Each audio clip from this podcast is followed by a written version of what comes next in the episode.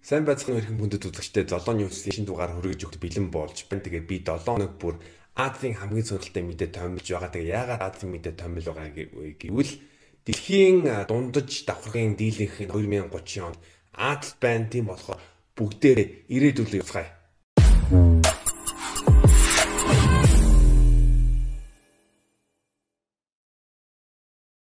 Сөүлийн дүүргийн шүүх Япон улсыг Солонгосын 12 эмэгтэйд тус бүрд 100 сая вон буюу 93 мянган доллар нөхөн төлөх шийдвэр гаргажээ. 1910 онд 1945 онд хүртэл Солонгос Японы колони байсан. Зарим түүхчдийн тооцоололоор 1932 оноос 1945 оны хүртэл 200-аад мянган эмэгтэйчүүд голдуу Солонгос эмэгтэйчүүд Японы цэргийн эмзийн хүрээлэнд хүчээр ажиллаж байсан. Энэ талаар 2015 онд Япон Солонгос хоёр улс зөвшөлтөөд тэгээ Япон улс тусгай саанд 9.3 сая доллар байршуулна гэд зөвшөлтжээ. 2015 онд Японы ерөнхийлөгч байсан Шинзо Абе өөрийн хувьяасаа уучлалт илэрхийлсэн. Харин 2017 онд Солонгосын ерөнхийлөгч Мун Жэйин 2015 он Япон Солонгосын өвчлөлтсөн гэрээг татан болгосон. Сонноос 12 эмэгтэйчүүдээс 8 нь одоо амьд үлдэж байгаа.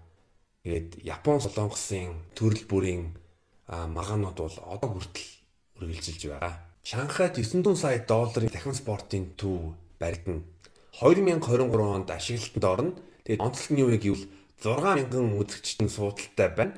А мөн бас геймингийн тухай дотоод чимэглэлтэй 5 модтой зочид буудал мөн бас гейминг болон дахин спортын түүх түүхийн музей байгуулах болно. Бас нэг сонирхолтой мэдээ бол Хятад улс 720 сая геймерүүд байгаа. Тэгээ тэдний 70% нь бол цахим спорт тоглодог. Харин 2020 онд дэлхийд цахим спортоор олсон орлогыг бол 1.1 тэрбум доллар гэж үнэлж байгаа. Харин манай Монгол улсад бол цахим спорт бол уналттай байгаа. Энэний нэг жишээг гэвэл LOF тоглоомын төрөйг ажилуулж байгаа бүртээ энэ маань Remax ч юм боллоо. Эндхийн засгийн газар 2 сарын 25-нд арт иргэдээсээ шалгалт авна. Үхрийн мэдлэгийн тухай шалгалт авна. Энтгчүүд бол үхрийг шүтдэг. Харин энтгт бүр мал аж ахуйн яамны доор үхэр хамгаалдаг бүр тусгай агентлаг байгаа. Тэг энэ агентлаг үхрийн тухай төв нэгэн хуудастай ном гаргаад тэр номын дагуу арт иргэдээсээ үхрийн тухай мэдлэгийг бол шалгах гэж байгаа.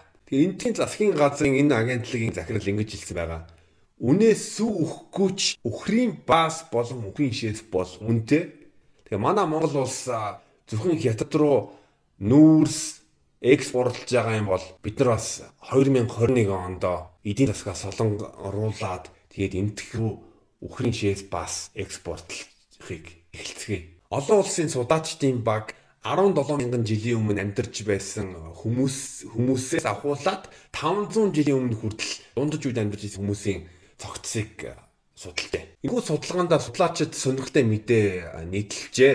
Жишээ нь Якутийн Белхачи гэдэг үндэстэн бол өнөөгийн Арктикт амьдарч байгаа уугуул хүмүүсийн үг дайжс мөн гэж үзжээ. А мөн бас байгаль нурын хавцаа амьдарч исэн хүмүүс Сибирь а мөн бас зүүн өмнөд Азид амьдарч исэн хүмүүстэй бол нэлээд холилдсон гэдгийг бас гинийн судалгаагаар баталсан байгаа. Энэ мэдээг уншаа хүмүүс юу ойлгох вэ гэвэл цэвэр тус гэж байдаг.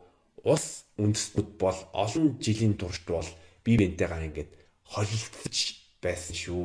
болохоор Монгол цэвэр тус гэж байхгүй. 2020 онд Филиппинийн 15-аас 49 насны эмэгтэйчүүдийн жирэмслэлтийн хувь 2019 онтой харьцах юм бол 43 хувиар өсжээ. Өөрөөр хэлбэл 2020 онд Филиппинийн 2.5 сая эмэгтэйчүүд жирэмсэлжээ. Филиппин улс бол бараг 109 сая хүн амтай. Харин Филиппиний хүн ам төлөвлөлтийн хөгжлийн хороо 2012 оны хүн амын өсөлтийн рекордыг 2020 онд эвдэн гэж намаглаж байгаа. Дэлхийн олон улсын байгууллагууд өндөр өсөлттэй улсуудыг бол ядуу буурай гэж үздэг. Харин Дэлхийн банк бол ядуурлын түвшинг бол нэг хүн өдөрт 3.2 доллараар амьдарч байгаа юм бол энэ ядуурлын түвшин гэж үздэг.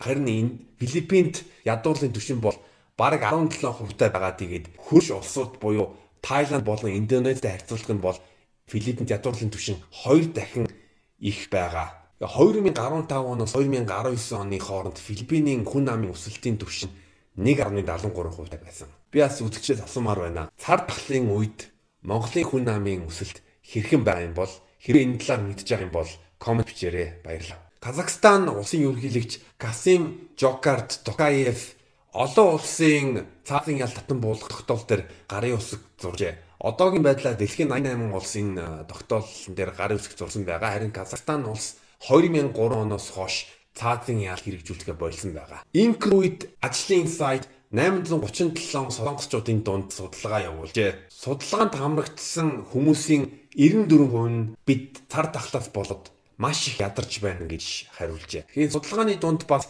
Солонгос эрэгтэйчүүд эмэгтэйчүүдийн хүйсийн ялгаас мэдэрч байна. Солонгосын эрчүүдэд хамгийн том асуудал нь юу вэ гэвэл цар тахлын үед хүмүүстэй уулзахгүй байхыг гэж хариулсан. Харин Солонгосын эмэгтэйчүүдэд цар тахлын хамгийн төвөгтэй зүйл бол маск зүүх гэж мэдээлжээ. Энэ судалгаанаас бид нар юу ойлгож байгаа гэвэл Солонгосын ард иргэд манай Монголын ус төр баригч нар шиг ядарч байгаа юм байна. Солонгосчууд баарж байгаа гэдгийг мэдээлээгүй. Шинэ жилийн анхны дуудлага худалдаан дээр Токио хотын Тоёсу загсны зах дээр Bluefin тунаа зас 202 мянган доллараар дарагджээ. Нодны анхны дуудлага худалдаан дээр зарагдсан тунаа зас баг 1.9 сая доллараар зарагдсан. Шинэ жилийн дараах дуудлага худалдааны хамгийн том рекорд бол 2019 онд э, байгаа. 2019 онд зарагдсан Bluefin тунаа загс 3.1 сая доллараар зарагдсан. Тэгээд тэр загсны жин бол 287 кг байсан. Энийг тооцоолоод үзэх юм бол 1 кг тунаа нь бол бараг 11 мянган доллароос дээш үнэтэй байсан. Дундаж тунагийн үн харин 88 доллар байдаг 1 кг-т. Харин манай Монголд махны үн бол хямдхан хэвээрээ байгаа. Энд бол ард иргэд бол баярлж байгаа. Харин ямар юм үнд өсдөг вэ гэвэл хэрвээ засгийн газрын тендер зарлагдах юм бол автобус ний үн 2 дахин хүртэл өсдөг. За тэгээд энэ дугаар ингээ өндөрлөө тэгээд анхаарал тавьсан та бүхэнд баярлалаа. Хэрвээ таалагдсан бол лайк, subscribe, share тэгээд дараагийн дугаард уулзцгаая.